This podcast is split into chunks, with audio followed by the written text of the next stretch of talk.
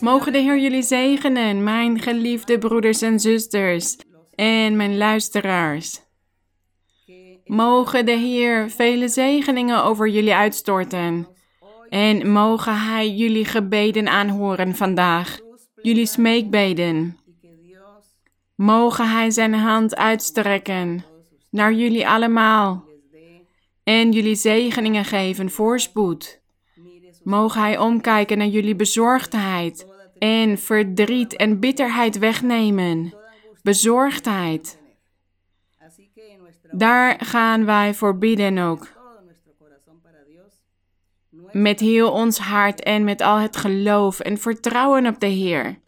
En vandaag gaan wij het Evangelie volgens Matthäus overdenken. We gaan verder met de gelijkenissen. De manier waarop de Heer Jezus Christus sprak tot het volk van Israël, tot het Joodse volk. Meer dan 2000 jaar geleden. Hij sprak door middel van gelijkenissen, zodat de koppigen, de opstandigen, de dwazen die niet in hem wilden geloven, het niet zo gemakkelijk konden begrijpen en dan de zegeningen van God zouden ontvangen.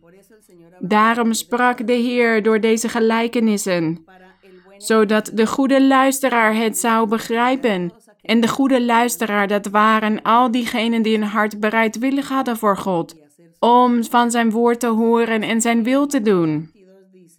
Matthäus 22. Ik zal eerst lezen en daarna zullen we vanaf het begin gaan kijken naar de uitleg van elk vers. Vers 2. Het koninkrijk der hemelen is gelijk aan een zeker koning die voor zijn zoon een bruiloft bereid had. En hij stuurde zijn slaven erop uit om de genodigden voor de bruiloft te roepen. Maar zij wilden niet komen. Opnieuw stuurde hij slaven erop uit, anderen, en hij zei: Zeg tegen de genodigden: Zie, ik heb mijn middagmaal gereed gemaakt. Mijn ossen en de gemeste beesten zijn geslacht, en alle dingen zijn gereed. Kom naar de bruiloft. Maar zij sloegen er geen acht op en gingen weg. De een naar zijn akker, de ander naar zijn zaken. En de anderen grepen zijn slaven, behandelden hen smadelijk en doden hen. Toen de koning dat hoorde, werd hij boos. En hij stuurde zijn legers, bracht die moordenaars om en stak hun stad in brand. Toen zei hij tegen zijn slaven: De bruiloft is wel bereid, maar de genodigden waren het niet waard. Ga daarom naar de kruispunten van de landwegen en nodigen voor de bruiloft zoveel uit als u er maar zult vinden. En die slaven gingen naar de wegen, verzamelden allen die zij vonden, zowel slechte als goede mensen, en de bruiloftzaal werd gevuld met gasten.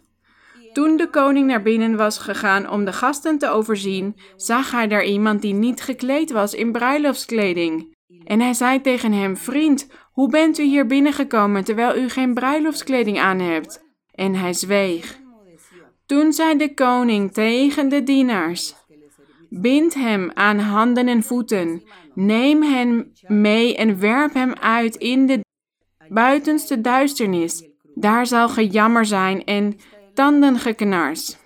Dit is die gelijkenis, die prachtige geschiedenis. Het lijkt net een sprookje. Maar we gaan het nog een keer lezen en we gaan het nu analyseren. Elk vers gaan we analyseren. Dus laten we teruggaan naar vers 2. Het koninkrijk der hemelen is gelijk aan een zeker koning die voor zijn zoon een bruiloft bereid had.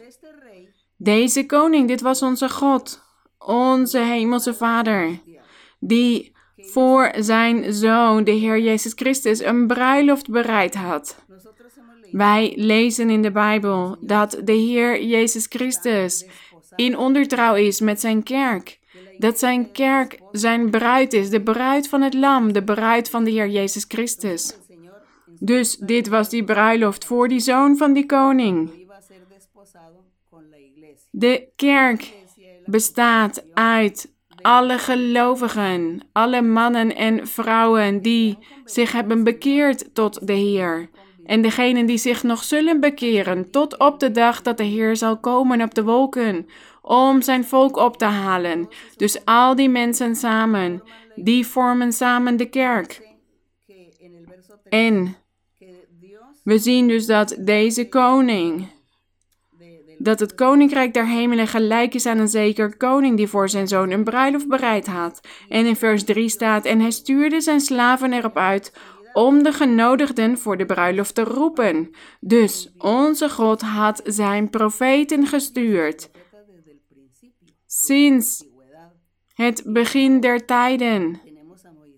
Want we kijken bijvoorbeeld, we zien Mozes en Jesaja, Jeremia, Ezekiel, Daniel en nog vele anderen. Die had God van oude tijden afgezonden naar het volk van Israël het Joodse volk, zodat ze tot inkeer zouden komen. Want zij waren afgodendienaars geworden. En zij begingen zoveel zonden. En zij deden zoveel kwaad en zij beledigden God. En daarom had God zijn profeten naar hen gestuurd. Om hen de juiste weg te onderwijzen en hen te waarschuwen. Zodat ze tot inkeer zouden komen. Zodat ze zouden kunnen genieten van de zegeningen van God en zodat zij onderdeel mochten zijn van het koninkrijk der hemelen.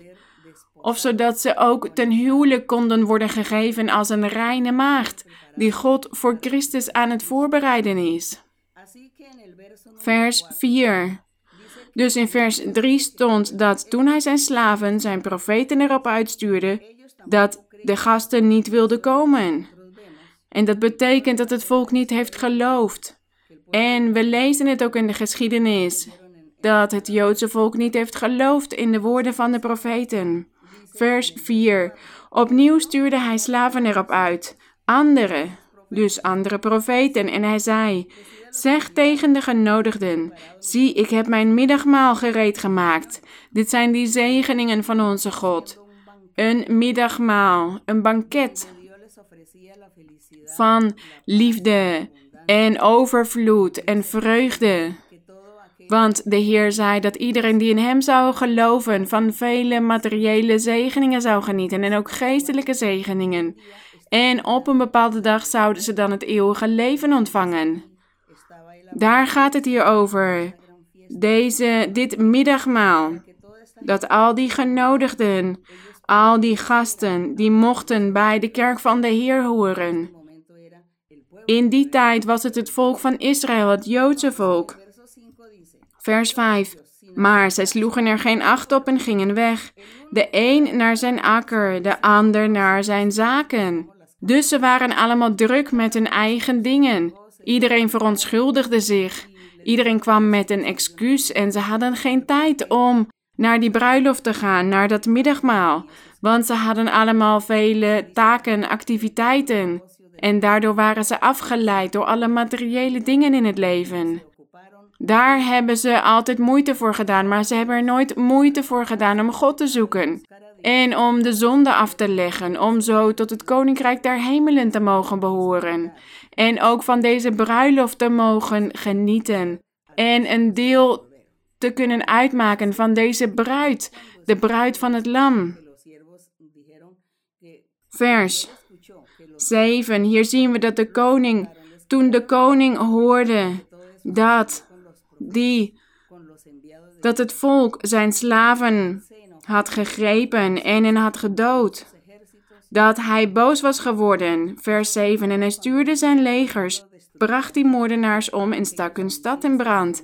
En als wij naar de geschiedenis kijken, dan zien wij dat de Heer, de koning van Babylonië, op Jeruzalem had afgestuurd met heel zijn leger om de stad te belegeren en te vernietigen en te verbranden. Het was helemaal vernietigd, ook de tempel van de Heer.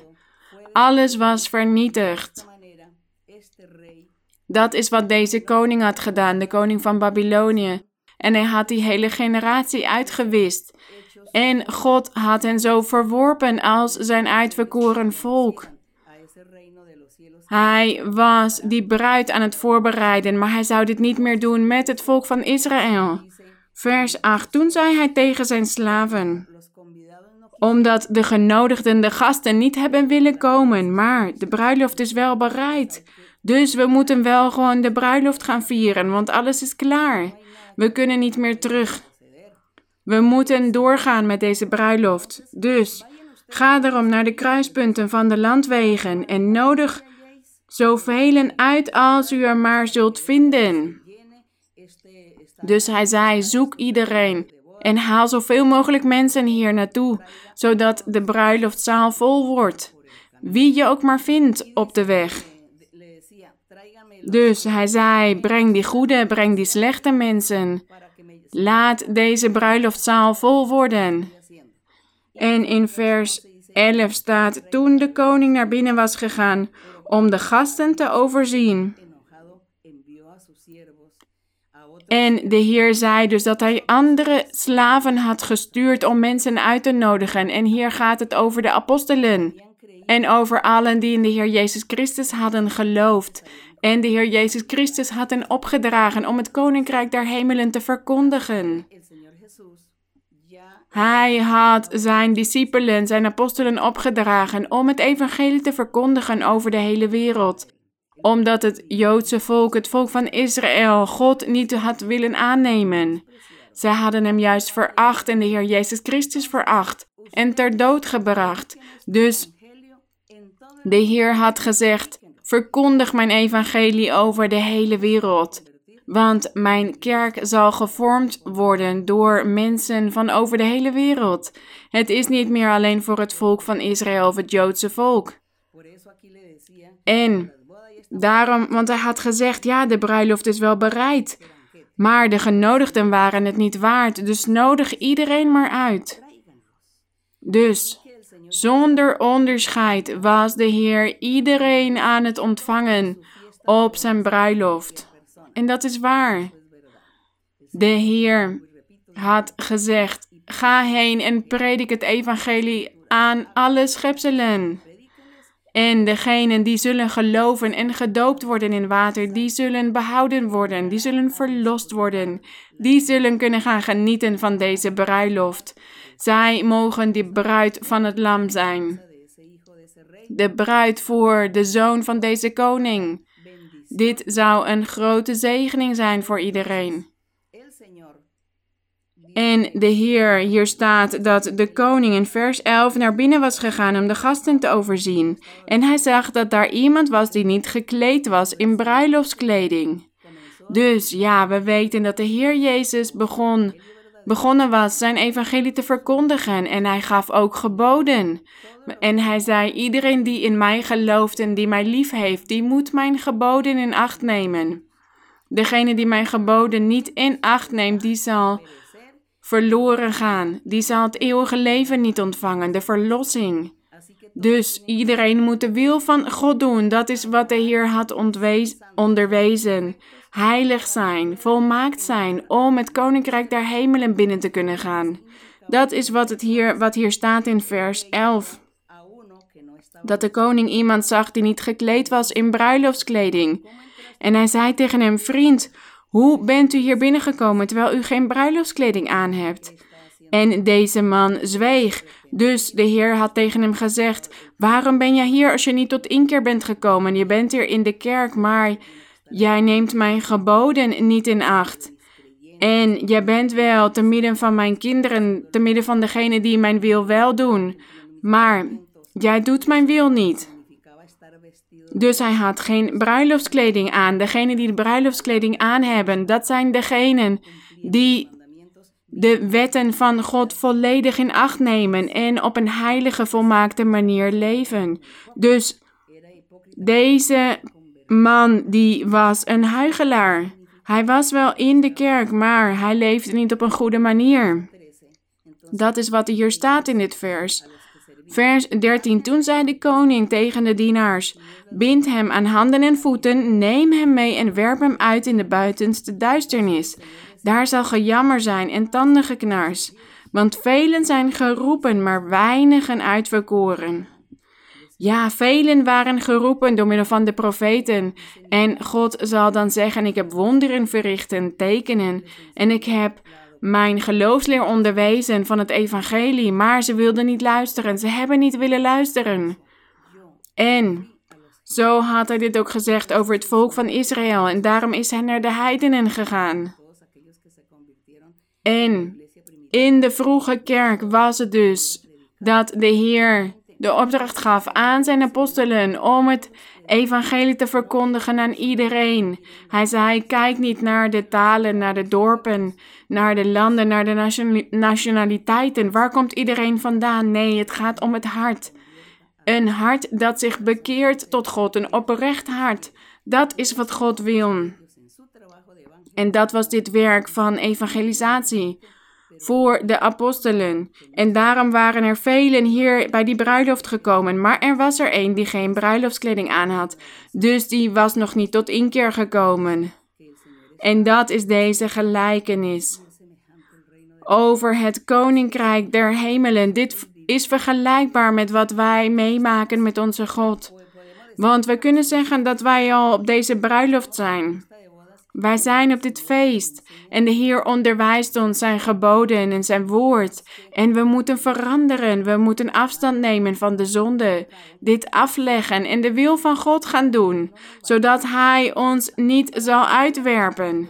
Want dan zullen we in bruiloftskleding gekleed zijn. Zo kunnen we altijd in de aanwezigheid van onze Heer blijven. Dus deze koning of onze God die wil dat mensen op een heilige, volmaakte manier leven. En zo God zoeken. Dus deze gelijkenis, toen de mensen dit hoorden van de Heer Jezus in die tijd, deze illustraties en deze gelijkenis, ik denk dat zij het wellicht niet hebben begrepen. Wellicht zijn ze boos geworden op de Heer toen hij dit onderwees en hebben ze geprobeerd hem te achtervolgen. Maar wij danken nu vandaag de Heer, want hij geeft ons de kans om dit wel te begrijpen. En wij zijn die heidenen, want wij komen niet uit het Joodse volk voor. Wij komen niet uit het land Israël. Maar God is barmhartig met ons geweest en Hij heeft ons uitgenodigd voor deze bruiloft. Hij heeft Zijn dienaars naar ons toegestuurd, Zijn slaven, om ons het evangelie te verkondigen. En zo horen wij ook anderen uit te nodigen, zodat ook velen het eeuwige leven kunnen verdienen, kunnen ontvangen. Mogen de Heer toestaan dat wij allemaal doorgaan op deze weg, op deze bruiloft. Laten we standvastig zijn. En iedereen die naar ons luistert en die net de kerk aan het leren kennen zijn. Die net over het woord van God horen. Ik nodig jullie allemaal uit om door te gaan, de Bijbel te lezen. En daar zullen jullie de waarheid in vinden. En dan zullen jullie ook deze genodigden kunnen worden voor deze bruiloft. Maar dan moeten we dus wel onze bruiloftskleding aan hebben. Maar maak jullie geen zorgen, want de Heer zelf geeft ons die bruiloftskleding. Hij maakt van ons een nieuwe man of een nieuwe vrouw met een vernieuwd hart. Een heilig en volmaakt hart, want dat werk doet onze God in ons. Hij verandert ons hart. Het enige wat wij horen te doen is ons hart bereidwillig stellen en te zeggen: Ja, Heer. Kom tot mijn leven, ik wil u behagen en ik wil uw wil doen. Dat is onze plicht en dit is onze overdenking van vandaag. Laten we gaan bidden tot onze Vader. Gezegende God, wij danken u voor deze overdenking, de overdenking van deze gelijkenis. Op deze illustratieve manier spreekt u tot ons allen, zodat wij dit kunnen begrijpen. Deze figuren en illustraties. Zo kunnen wij uw geloofsleer beter begrijpen. Uw ware woord. En zo kunnen wij van uw grote zegeningen gaan genieten. Die u heeft voor iedereen die gelooft en die zijn hart bereid heeft voor u en u aanneemt in zijn hart. We danken u, mijn Vader, en ik vraag u nu op dit moment om uw krachtige hand uit te strekken, mijn Heer, tot alle mannen en vrouwen en hen te zegenen. Genees en bevrijd, mijn Heer. Reinig hun verstand, reinig hun hart en reinig hen met uw waarheid. Zuiver ieder hart, mijn Heer, en bevrijd degenen die gekweld worden door kwade onreine geesten en bezweringen. En neem ongeneeslijke ziekten weg. Strek uw hand uit over degenen die in het ziekenhuis liggen of ziek thuis liggen. Strek uw hand uit en genees en bevrijd, mijn Heer. Doe wonderen, want voor u is er niks onmogelijk. Luister naar het gebed van iedereen die op dit moment tot u aan het bidden is, mijn Heer. En zegen ook op het economische vlak, zodat niemand gebrek lijdt. Zodat er genoeg geld is om alles te kunnen betalen en voedsel te kunnen kopen. Want u bent onze Vader, onze Schepper, onze eigenaar. Wij loven u. En wij geven u de glorie en de eer, mijn Heer. En wij vragen u dit allemaal in de heerlijke naam van onze Heer Jezus Christus, uw geliefde Zoon. Dank u, mijn Heer. Dank jullie wel. Ik hou van jullie met heel mijn hart en ik stuur vele omhelzingen en groeten naar jullie. God zegene jullie.